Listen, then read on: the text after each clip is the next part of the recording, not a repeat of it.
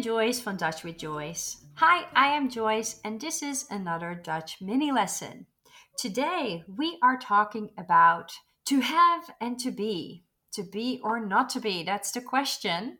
So let's learn how to say this in Dutch. Often, when we're not very familiar with grammar, we wonder what is to have and to be. So let's put this into practice in English first. Let's start with to have. In English, we have I have, you have, he has, we have, you have, and they have. So we have a specific verb that matches a persona, like I, or you, or he. And in English, pretty much you always say have, except for he and she. That will be has and not haves. So this is an irregularity. In Dutch, it's the same. Plus, we make a distinction between singular and plural, meaning one person and multiple people. So, to say I have, we say ik heb. Ik heb to say you have, we say jij hebt. Jij hebt. We add another T there because we're talking about another person, one other person that is not I. Jij hebt. Jij hebt. For he and she, just like English, this is an irregular verb. So we don't say hij hebt or zij hebt, which is a mistake that I hear a lot of the time. But we have to say hij heeft and zij heeft. Hij heeft and zij heeft. For our plural, we make it longer. And you can recognize that by the en after, which does mean and, so you can think of it this way, right? So if we're talking about multiple people, it's like you and I, or he and she. So ik heb, but wij hebben. And jullie hebben. And zij hebben. So we have is wij hebben, you have is jullie hebben, and they have is zij hebben. So let's put them into order one more time. Ik heb, jij hebt, hij heeft, zij heeft, wij hebben, jullie hebben en zij hebben.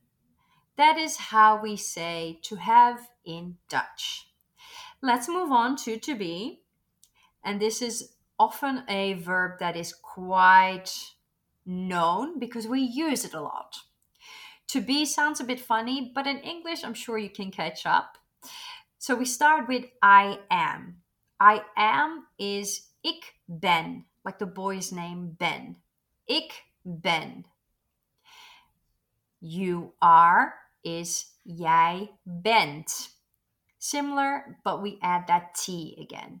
Jij bent. Just like in English, we have an irregular verb here and we go he and she is. Lucky for you, we say the same thing. Hij is and zij is. We do, however, define the S a bit more. Not is, which sounds almost like a Z, but is. Very nice and clear. We are, plural is different again. That is zijn. Zijn. So we are is wij zijn. You are is jullie zijn. And they are is zij zijn. So let's do this list one more time. Ik ben, jij bent, hij is, zij is, wij zijn, jullie zijn, zij zijn. Lots of verbs to work with. and we can do a little bit of a sentence. We already know a lot of sentences with ik ben, like ik ben Joyce or ik ben 30 when we talk about who we are and what our age is.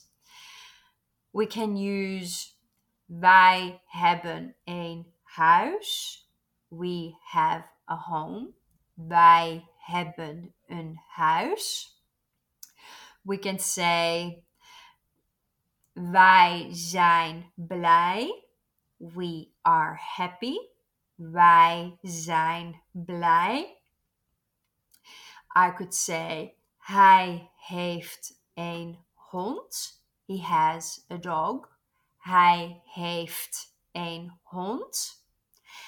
And I could say she is at work. Zij is op haar werk. Zij is op haar werk. So these are a couple of example sentences that we can use to use hebben en zijn. In future episodes, I'm sure we'll use these sentences more often. But for now, keep on practicing and we'll catch you next time. Doei!